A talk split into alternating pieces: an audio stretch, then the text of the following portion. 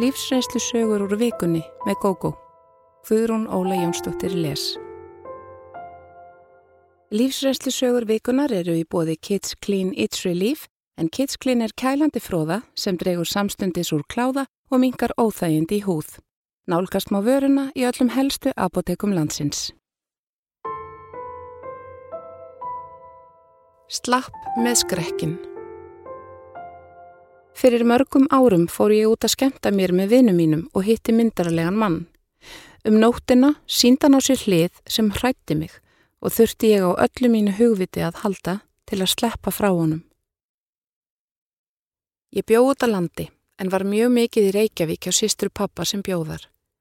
Sónur hennar, jafnaldri minn, var mikill vinur minn og þegar við eldumst fórum við oft saman út á lífið með vinum hans. Þeir urðu svo auðvitað góðir vinir mínir líka. Hann reyndi eftir bestu getu að vernda sveitafrængu sína fyrir aðgangshörðum aðdáendum og yfirleitt í óþökk minni. Eitt lögadaskvöldið fóru við nokkur saman á skemmtistað sem var mjög vinsæl og í miklu uppóhaldi hjá öllum hópnum. Frændi minn kom ekki með í þetta skiptið, hann var eitthvað veikur. Þetta var snemma á áttunda áratögnum og á þeim tíma lokuðu allir skemmtistaðir klukkan tvö um nóttina. Þegar við komum inn á staðin var þraung á þingi að vanda og við skelltum okkur út á danskólfið. Ekki var langt liðið á kvöldi þegar ég sá tilsýndar fjallmyndarlega náunga. Ég tók eftir því að hann gaf mér auga líka og eitt liti af öðru. Við dönsuðum saman þar sem eftirliðið kvölds og fyrir en varði var klukkan orðin tvö. Við heldum út í vetrarkuldan sem var talsvert napur og vissum ekkert hvert við ættum að fara. Engin bitastað parti virtust vera í uppsiklingu og ekki bætti úr skák að vinahópar okkar sköruðu skreinilega ekki þótt við værum og svipuðum aldrei. Hvorugt heimila okkar virtist koma til greina því að ég gati ekki bóði nætugerstum heim til frænguminnar. Við röldum upp laugavegin til að gera eitthvað og maðurinn sagði mér að frændans væri með húsnæði einhver staður í skuggakverfinu sem við mættum öruglega að fara í. Við gengum áleiðist þangað og þegar við komum á staðin hætti mér að lítast á blíkuna þegar leiðin láin um gluggallera og inn á einhvers konar verkstæði. Það var ekki fyrir en þá að ég áttaði mig á því að maðurinn var eitthvað undarlegur. Ég vissi það ekki þá, en með meiri lífsreynslu hef ég komist að þeirri niðurstöðu að hann hafi verið á einhverjum örfandi livjum, en það hafði ekki kvarlað að mér þegar við vorum að dansa og fulli á danskólfinu.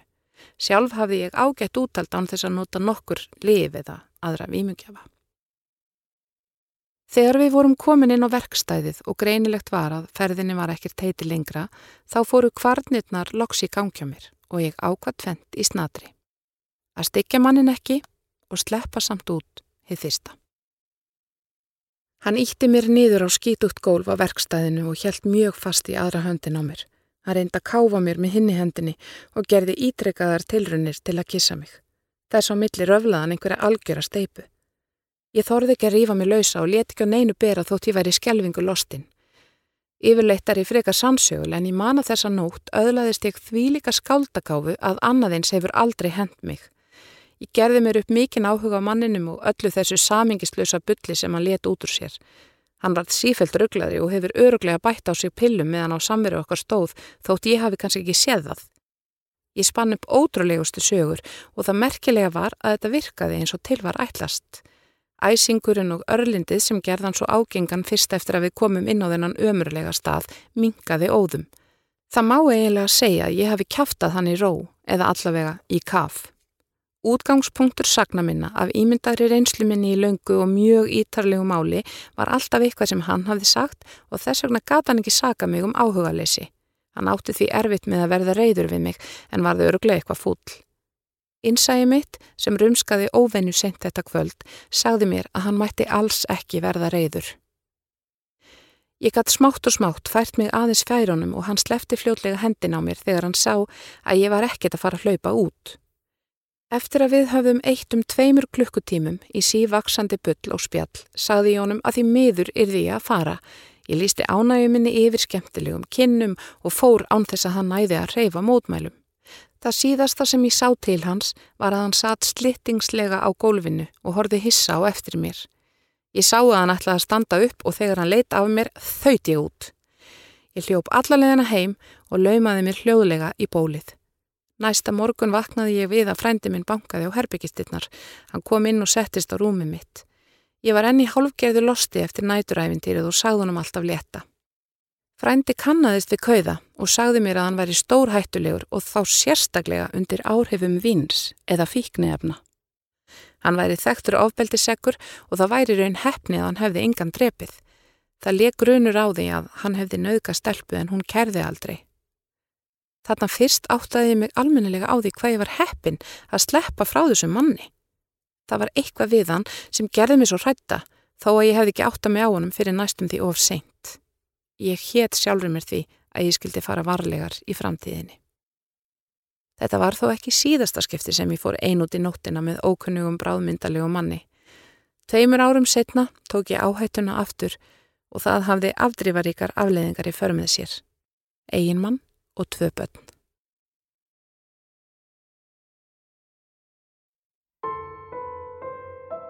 Óþægilegt ástarsamband Eftir skilnað var ég ákveðin í því að gifta mig aldrei aftur, en fjall svo fyrir dásamlegu manni nokkrum árum setna. Allt hefur gengið vel hjá okkur en það flækti þó málin um tíma þegar sonur minn og dóttir hans áttu í sambandi. Fyrra hjónaband mitt sem hafi staðið í réttrum 25 ár var ekki auðvelt síðustu árin sem það varði. Í hjónakornin hengum saman af gömlum vana, virðingin sem við bárum hvort fyrir öðru var hverfandi og þreita einkendi samskiptin. Ástinn var líklega löngu farin veg allrar veraldar. Heilmikil væntum þykja var þó eftir sem gerði óhjákvæmilegan skilnaðin bærilegri. Ég er ekki sérlegur talsmaður skilnaða þótt eitthvað bjáti ámilli hjóna en í tilfelli mínu og mannsins míns var þetta besta og réttasta ákverðun sem við gáttum tekið. Það var að mun bjartar yfir okkur báðum og meiri léttleiki ríkti. Eftir um átta mánuði var hann farin að vera með gömlu æsku ástinni sinni sem var fráskilinn. Þau fóru þó varlega af stað og það leið langur tími áður en þau fóru að búa saman. Maðurinn minn kaus að verða eftir í húsin okkar og borgaði mér út helmingin af andverðinu. Hann flutti ekki út úr því fyrir hann fór að búa með æsku ástinni. Sónur okkar um tvítugt kaus að flytja með mér til Reykjavíkur en við fjölskyldan höfðum búið á Norðurlandi lengst af, einningum tíma í útlöndum. Það passaði akkurat að þegar við fluttum söður þá hóf sónurinn nám í Háskóla Íslands. Mér gekk ágætlega að koma mér fyrir í höfuborginni og innan skams var ég komin í ágæta íbúð, var sátt í starfi mínu á sjúkrahúsi en ég er hjúgrunarfræðingur að ment. Við mækinin vorum allsæl með lífið og tilveruna. Ég var ákveðin í því að gifta mig aldrei aftur og var heldur ekki mjög spennt fyrir að rjúka í annað samband. Líklega þurfti ég tíma til að ná áttum eftir langt hjónabandið og ég tók mig líka þann tíma. Ég hafði ekkert á móti körlum og sá fyrir mér að kannski fyndi ég mér góðan félaga einhver tíma setna. Ég endur nýjaði kynnin við gömlu vinkonurnar sem ég átti þegar ég bjóði Reykjavík en það var áður en ég gifti mig. Þær höfðu stopnað saumaklúpa buðu mér að gangi hann og það má segja að þessir mánadarlegu saumaklúpar mínir hafi verið eina samkvæmislífið sem ég stundaði fyrsta árið mitt í bænum. Vinkonur mínar úr saumaklúpnum voru allar giftar nema ég og ein önnur sem ég hafi ekki þekkt áður. Hún kom til sögunar eftir að ég var flutt norður en við yngunurðu mestu mátar en það frábær kona á ferð. Yngun átti eftir að verða örlega valdur í lífi mínu en hvoru okkar hafði hugmyndum það þá. Hún talaði stundum um bróður sinn hvaðan var í skemmtilegur og frábær og dásamlegur og þaðan af betri. Hann hafði verið ekkill í nokkur ár og átti þrjú börn. Tvö eldri börnin voru flutt út og búin að stopna heimili með mögum sínum Það yngsta, stúlka um tvítugt, bjó enn hjá föður sínum og var að klára stúdendin. Við yngun kíktum saman á kaffihús eitt laugardaginn í blíðskapar veðri. Við sátum úti og horfum yfir austurvell á meðan við drukkum kaffi og spjalluðum. Allt í einu kallaði hún á mann sem kom gangandi yfir austurvöll og þegar hann kom til okkar, kynnt hún hann sem Bjarnar bróður sinn, þennan sem henni hafði verið svo týrættum. Bjarni settist hjá okkur í smástund og fekk sér kaffibotla og mér þótti strax auðvelt að skilja hversu dásamlegu sýstur hans fannst hann vera. Ég held að ég hafi orðið skotin í honum við fyrstu sín. Ekki svo löngu setna bauð yngun saumaglúpnum sínum í mat og bróðir hennar var aukakerstur. Síðan komst ég að því að hann hafði spurt yngunni út í þessa konu á Östurbelli og eftir að hún hafði spurt mig hvernig mér hafi litist á bróðu sinn, þá ákvaði hún að bjóðunum. Það var samt eitthvað svo fjarrinn að reyna að leika hjúskaparmiðlara, annars hefði hún efa reynd að koma okkur saman mun fyrr. Hún vissi reyndar að hvorugt okkar var að leita að nýju maka og líklega vegna þess datinni ekki þessi möguleiki í hug. Fljótlega upp úr þessu fórum við Bjarni að vera saman og ákverðin mínum að hleypa engum karlmannin í líf mitt í bráð var það engu. Fyrsta árið hittumst við mikið og kynntumst en svo ákvöðum við að fara að búa saman. Það er ákverðin sem ég hef aldrei séð eftir. Bjarni er allt sem sýstir hans hafði sagt að hann væri og miklu meira en það. Einhverja hluta vegna kynntust sonur minn og yngri dóttir Bjarni ekki næstum því strax. Tilviljun réð því fremur en eitthvað annað. Bjarni kom oft í mat til mín og hitti þá stundum sonminn sem fluttu um svipa leiti í eigin íbúð eða fór að leia með vini sínum. Bjarni bauð okkur báðum líka í mat til sína en þá hitti sonur minn bara eldri sískinin og maka þeirra. En loks hittust þau. Þá var eflust komið hátt í ár frá því við Bjarni kynntumst. Þeim kom vel saman frá fyrstu kynnum og virtust hafa svipaðar skoðanir og málum. Þegar hún flutti að heiman ákvaðum við Bjarni að ruggla saman reytum okkar og fannst að ágættist tímapunktur til að hefja sambúð. Hann legði út íbúðuna sína og flutti til mín. Mér langaði ekki vitun til að flytja á heimili hans og konu hans heitinar. Þótt börnin þeirra væri orðin uppkomin fannst mér ekki ólíklegt að einhver sárindi gætu skapast ef ný kona kemið þarna inn. Best var að byrja upp á nýtt og íbúðin mín var því mun henduri en hans, ekki full af minningum um fyrfirandi maka. Þegar við Bjarni höfðum verið í sambúði nokkra mánuði, óurlega sæl hvort með annað, komumst við að því að sonur minn og yngri dóttir hans voru farin að vera saman. Þau höfðu byrjað saman fljótlega eftir að þau kynntust en haldið í leindu fyrir okkur. Ég verða viður kennað mér döðbráð þegar sonu minn saði mér frá þessu. Auðvitað voru þau ekki alveg sískinni, ekki einu svoni skild og ég viss alveg dæmið þess að stjúpsískinni hefðu felt saman hugi En þau sambund sem ég vissi um höfðu ekki ennst og ég ótaðist að ef það gerðist á börnunum okkar bjarna þá gæti það haft slæm áhrif á líf okkar allra. Sónur minn hálf móðgæðist út í mig fyrir viðbröð mín og var í fíl út í mig um tíma.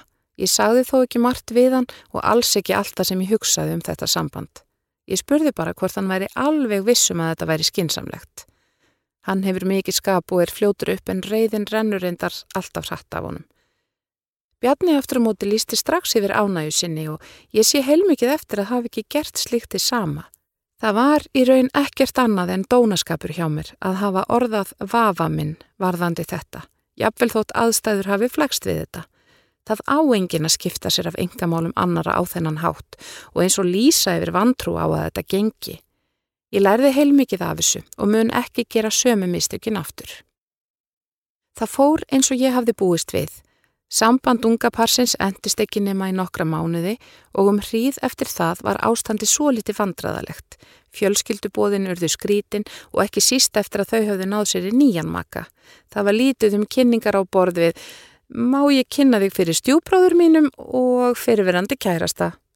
Það ríkti frekar vandraðaleg þögn yfir þessu öllu saman til að byrja með en svo lagaðist þau þetta allt. Makarnir fenguðum síður að vita þetta en engin leiðindi sköpuðust eða afbríðisemi. En fyrst eftir sambandslitin þurftum við bjarnið að skiptast á að bjóða þeim til okkar því þeim fannst óþægilegt að vera undir sama þakki en við tímanum urðuðu ágættir vinir og nýjanleik. Samband okkar bjarnar verður betra með hverju árinu og þótt börnin okkar hefðu átt sitt ástaræfindýri sem endaði frekar illa þá hafði það engin slæm áhrif á okkur. Börnin okkar heimtuði heldur ekki að við tækjum afstöðu með öðru koru þeirra. Ég með mínu barni og bjarni með sínu, það hefði gert þetta enn erfiðara. En miða við þessa reynslu mína mæli ég ekki með því að stjúpsískinni hefi ástarsamband en reyndar það hljóta þó að vera til slík sambund sem hafa gengið upp og ennst þótt ég hef ekki hýrt um það.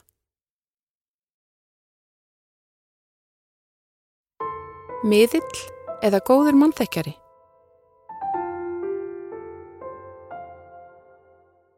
Ég fæ stundum einhvers konar hugbóð um hlutina eða mér er nánast stýrt án þess að ég geti nokkurt viðnám veitt.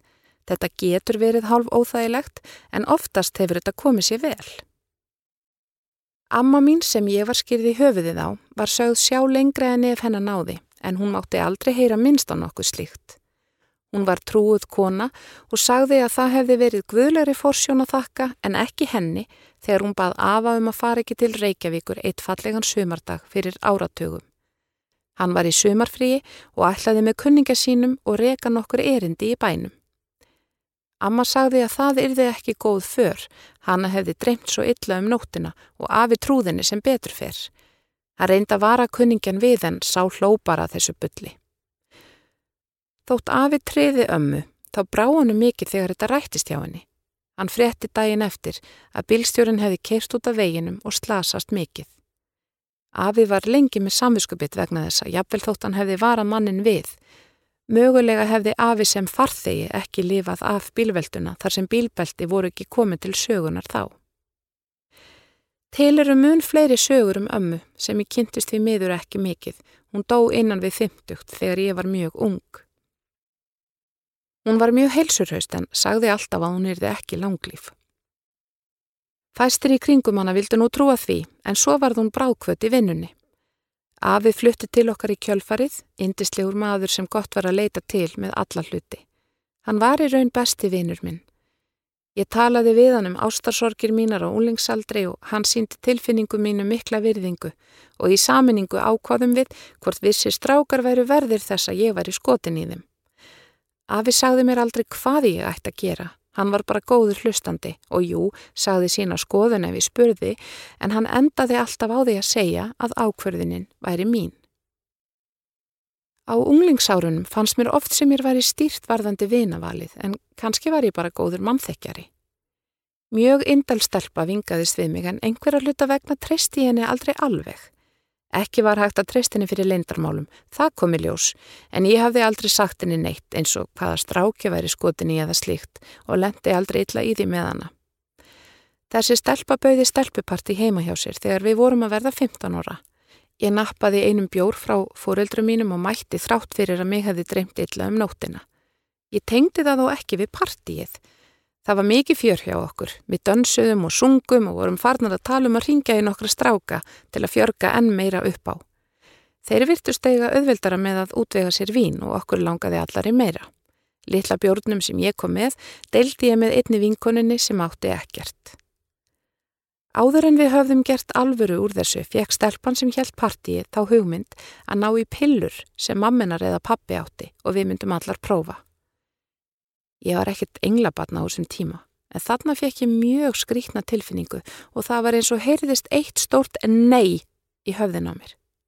Ég afþakkaði og það gerði besta vinkona mín líka. Þetta eiðilaði partíið því þetta voru greinilega sljókandi pillur og stelpurnar urðu hundleiðinlegar. Við vinkonutnar tvær letum okkur hverfa fljótlega. Í skólanum næsta mánudag frétti ég að einn stelpa í partíinu hefði verið flutt fáru veik á sjúkrahús þar sem var dælt upp úr henni. Hún hefði tekið á margar töflur. Ég misti allan áhuga á vinskap við stelpuna sem bauð okkur en hún var endar ekki alls slæm. Hún lærði mikið af þessu atviki sem hefði getað endað svo miklu verð. Hún var samt ekki sérlega góður félagskapur á þessum tíma og var yfirleitt potturinn og pannan í því að drekka. Hún reykti hassum tíma en sem betur fyrir hætt hún áður en hún skemmt á sér heilan. Ég sagði Afa frá því sem gerðist í partíinu og hann kvatti mig til að hlusta á innri röttina eins og hann kallaði það. Afi var ekki mjög trúaður á að eitthvað yfirnáttúrulegt væri á seiði. Fleiri atvik áttu sér stað sem sannferði mig um að betra væri að hlusta. Þannig slapp ég til dæmis við bóð á mentaskóla árunum þar sem eiturli flóðu um allt og lögreglan gerði rassíu. Einu sinni fór ég aðra og lengri leið í skólan upp úr þurru og komað krökkum sem voru að rekja lítinn kettling. Mér tókst að bjargonum og sneri við með hann heim þar sem Afi tók við honum. Brandur bjó hjá okkur næstu 15 árum þar sem við fundum aldrei eigandan. Og kvílikur eigandi að leifa svona litlum kettlingi fara einum út. Þetta var engin villiköttur.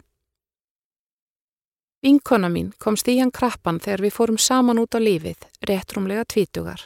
Hún reyfst mikið af manni sem hafi gefið sig á tal við okkur, velmentaður, myndarlegur og bauð af sér góðan þokka. Mér leist líka vel á hann í fyrstu en svo fóru viðvörunabjöllunar að ringja á nokkurar ástæðu. Hann bauð vinkonu minni heim í kaffi og ég sá á henni að hún ætlaði að þykja það. Ég dró hana með mér inn á snýrtingu og bað hana allra orða að fara ekki með honum heim. Vinkona mín var mjög sár og ásakaði mig um afbreyðisemi að ég væri örugla sjálfhrifin af honum. Hún átti að vita betur en hún var orðin drukkin sem afsakaði þetta. Ég gatt þó ekki hugsa mér að fara í fússi, skilja hann eftir og segja svo daginn eftir að henni hefði verið nær.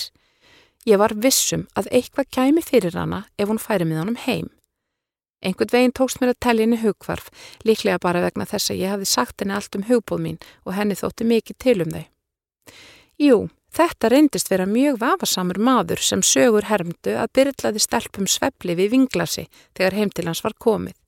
Gott ef hann komst ekki kast við laugin, ekki svo löngu setna vegna þessa framferðis. Eftir þetta atvik fór vinkona mín nánast að trúa á mig sem var mjög óþægilegt.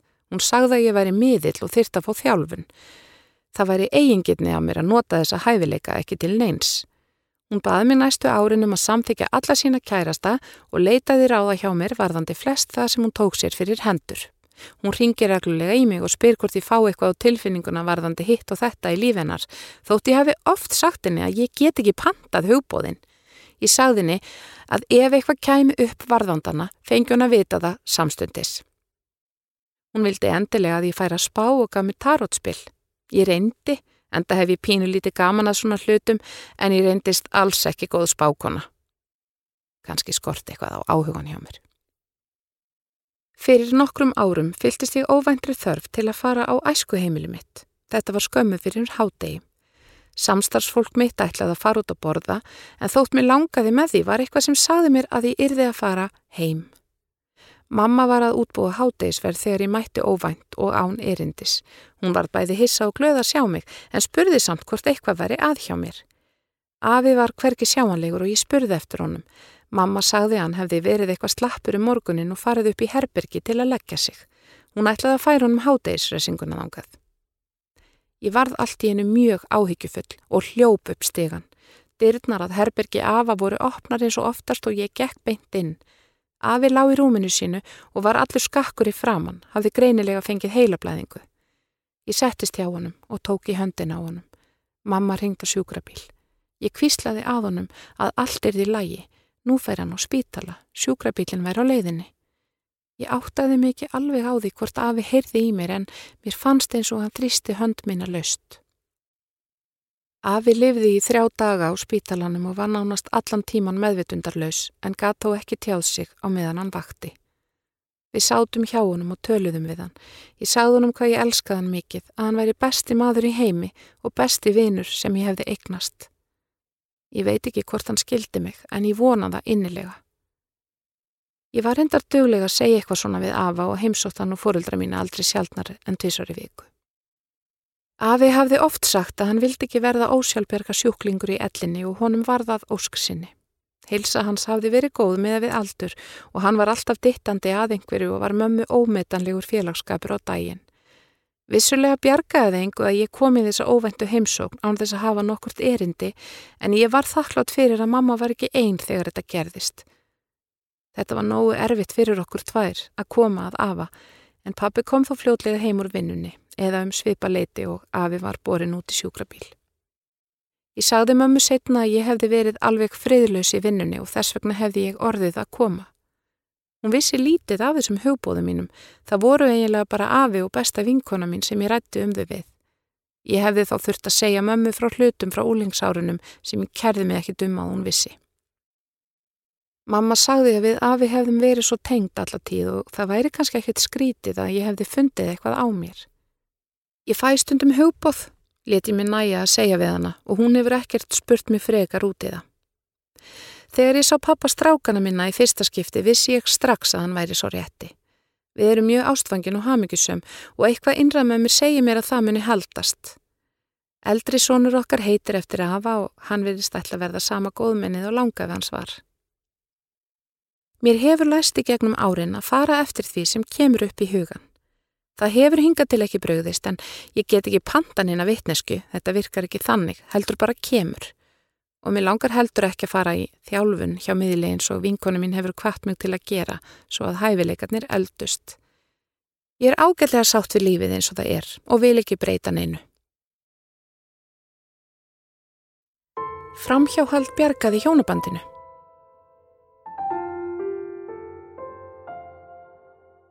Óvænt liðarspor vakti mig til vitundar um það hvað ég vildi í raun og veru í lífinu. Ég byrjaði kornunga búa með æsku ástinni minni og var fljótlega komin með allan pakkan, tvö börn, íbúð og bíl. Við hjónin áttum í ýmsum vandamálum og basli en aðalega tengdu vinnu og peningamálum. Sambandi sjálft var ágætt, þótt mér finnist tilveran ekki alltaf vera spennandi. Um tíma fyltist ég leiða á þessu öllu saman og var að hugsa um að slíta mig lausa úr hjónabandinu. Þá var ég nýskriðinni við þrítugt. Mér langaði til að vinna upp það sem ég fannst að ég hefði mistað við lífinu. Þegar sambúð okkar makka hófst var ég eiginlega allt of ung og upplýði því ekki unglingsárin svokölluði með teilirandi skemmtunum og skólagöngu. Líf okkar var oft á tíðu mikið basl og við náðum ekki alltaf endum saman um ánaðamót. Þegar sá atbyrður gerðist sem ég ætla að segja frá hér, vann ég erfiða vaktavinnu og Maggi var komin í vinnu út á landi þar sem hann fekk betur borgað en hér í bænum. Þegar hann kom heim í frí notaði ég tækifærið og vann aukavaktir þannig að segja má að við höfum ekki hist almennilega um langt skeið. Mér leið ótrúlega vel einni með börnin og fannst að hlutskipti mitt bara alls ekki svo slæmt. Í einverjunni hugsaði ég stundum um að ég hefði það kannski betra að vera svona einn og gæti freka að lifa lífinu eins og allir hinis. Allt væri betra en þetta fjárans endalösa basl með makka. Eina helgina í mæ Á fallegu Eurovision kvöldi fór ég út að skemta mér með nokkrum vinkonu mínum. Við horfðum saman á keppnina fyrst og ákvaðum síðan að mála bæin rauðan. Maggi var út á landi og börnin í pössun hjá mömmu. Við stelpunar tókum leigubíl niður í bæ. Kvöldi var einstaklega vel hefna hjá okkur og ég held að við höfum farið inn á flesta skemmtistæði miðbæðinist þetta kvöld. Stelpurnar týndust síðan úr hópnum hver af annari, þreytar og sefjaðar og loks var ég orðin einn eftir.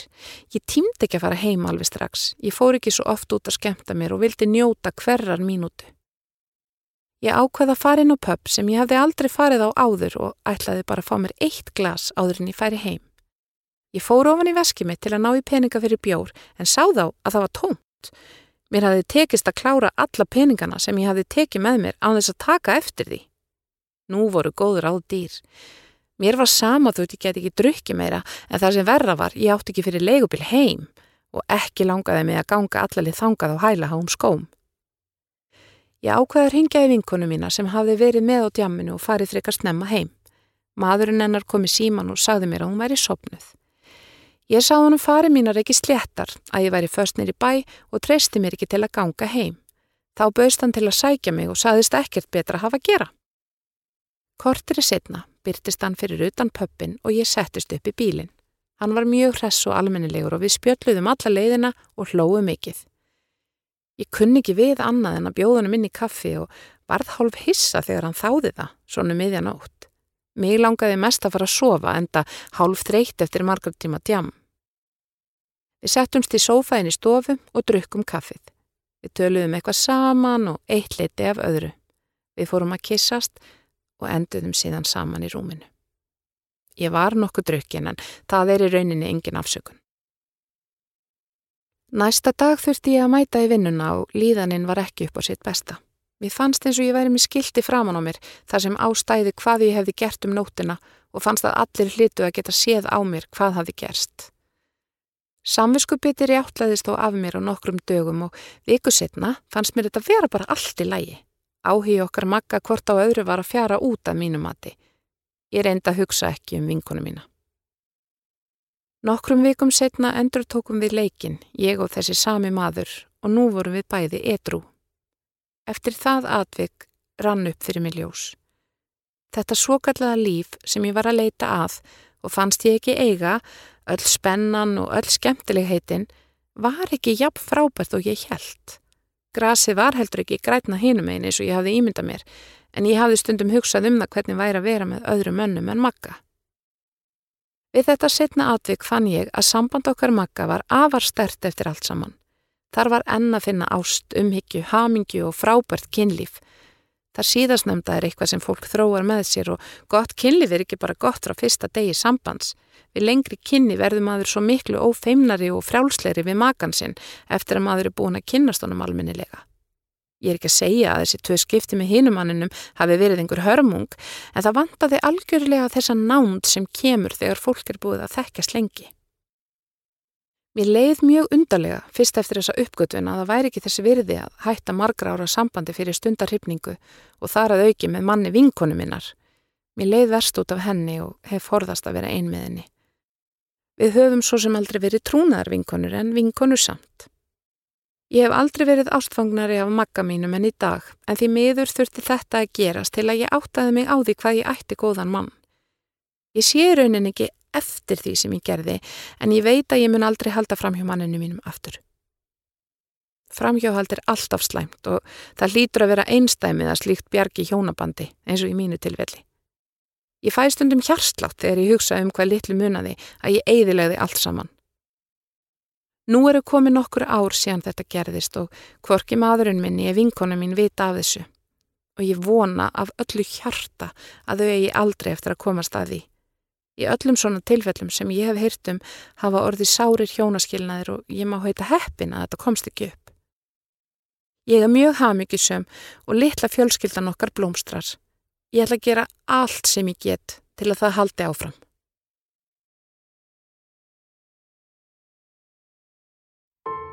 Líka minn grær, sálin ekki. 15 ára kynntist ég strák sem var 6 árum eldri en ég. Hann var í mikilli óreglu og ég leytist út í það lífverðni með honum. Aðeins 16 ára var ég flutt inn til hans og komin í daglega neistlu. Hann beitti mig ofbeldi og eftir fólskulega árás hans á mig ákvaði ég að taka á mínu málum og snúa blaðinu við. Þá kynntist ég öðrum manni sem var barsfæðir minn. Sá sveik mig illa og ég hefði frekar vilja þóla líkamlegt ofbeldi en þau djúbu sár sem ég hlaut þá. Ég var aðeins 17 ára þegar sambilismadur minn beitti mig fyrst ofbeldi. Við vorum eitthvað að rýfast og ég stóð í dyrunum á húsinu þar sem við áttum heima. Hann hrindi mig niður tröppur sem lágu upp að útihurðinni. Ég lendi á steinstjætt og var flutt upp á slísafarstofu. Eftir þessa árás þurfti ég að ganga við hækjur í tvær vikur. Hann sagðist sjá voðalega mikið eftir að það var ráðist á mig og lofaði öllu fögru bara ef ég kæmi aftur. Hann stóð ekki við það og árið síðar reyðast hann harkalega á mig aftur. Þá mislíkaði honum eitthvað sem ég sagði og það var nægileg ástæða fyrir árásinni. Í það skipti var ég með brákarifbin, bólgnaför og öll blá og marinn. Yfirleitt passaði hann sig á að berja mig þar sem áverkarnir sæjust ekki. Ég var oft marinn og auðmum allan skrokkin en í þetta sinn sló hann mig í andliti líka. Það sást ekki mikið á mér en nóg til þess að það duldist ekki að eitthvað hafði komið fyrir. Samband okkar helt áfram að vera á þessa lund.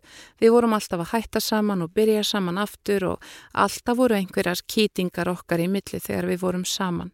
Ég svaraði alltaf fyrir mig og er því ekki alveg allsaklus að þvíleiti. Eitt sinn höfðum við verið í mikilin neyslu og í það sinn reðast hann á mig og ætlaði að nauðga mér. Ég mann enn hversu óskaplega hrætti var við hann þá. Sambilismadur minn var mjög þröngsýn. Hann byrjaði ungur í neyslu og hafði ekki náða að þroskast á heilbreiðan hátt. Hann var svo litið staðnaður. Við fórum í meðferð og reyndum að halda okkur edru. Mér tók stað en hann fjall fljótlega. Áramótin eftir að við fórum í meðferðina var ég edru á bíl en hann var fullur.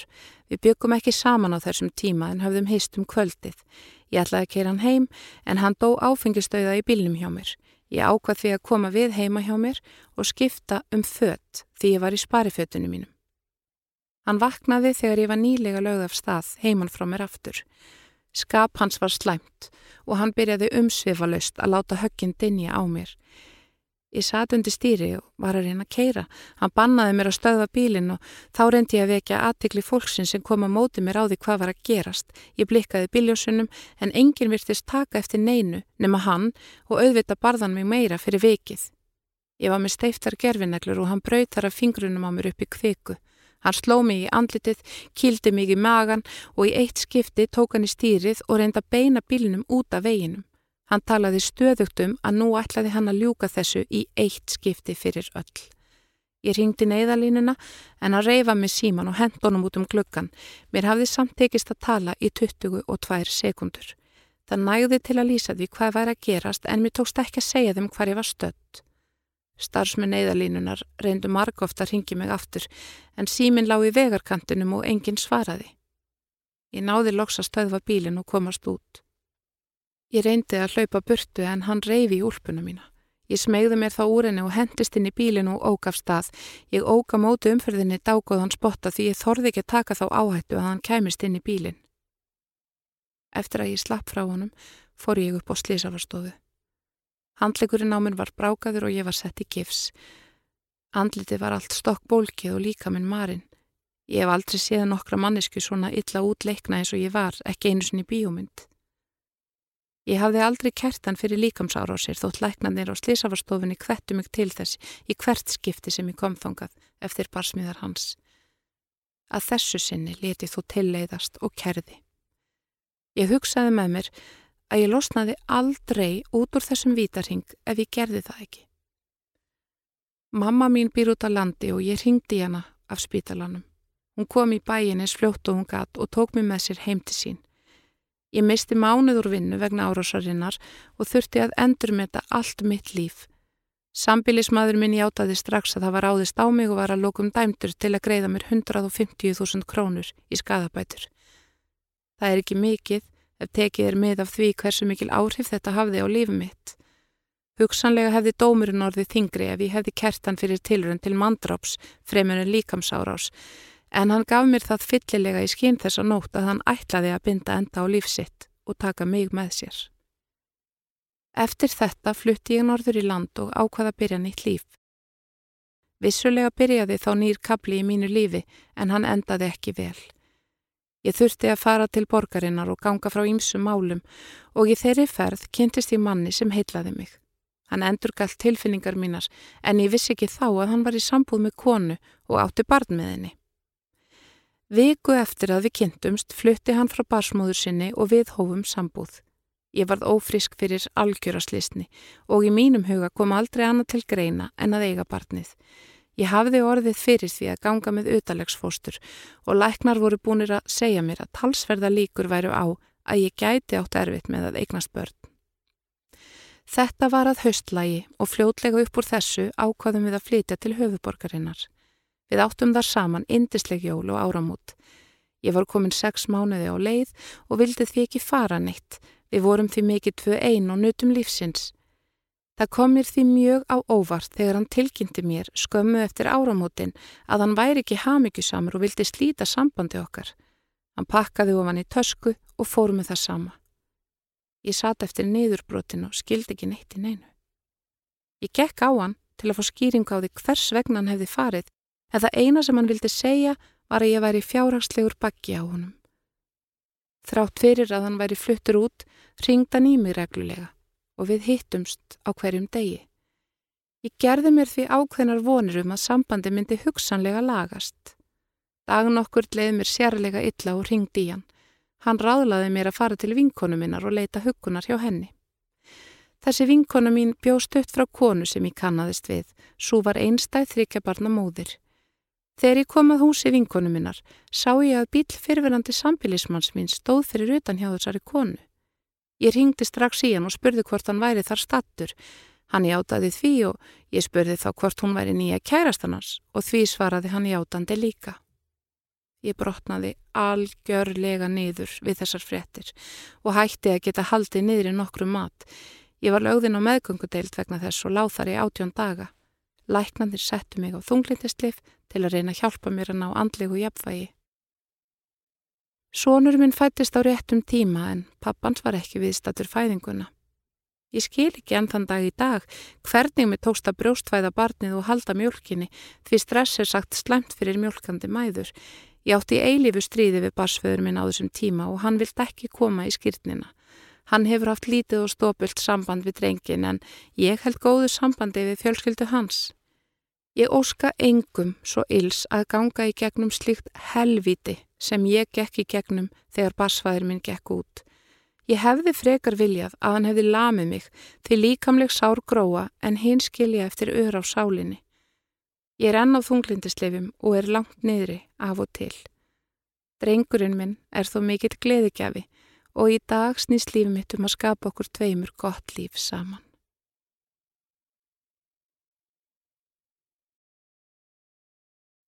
Þú varst að hlusta á lífsreynslusögur úr vikunni með GóGó í lestri Guðrúnar Óli Jónsdóttur og framleiðslu Storysight árið 2020.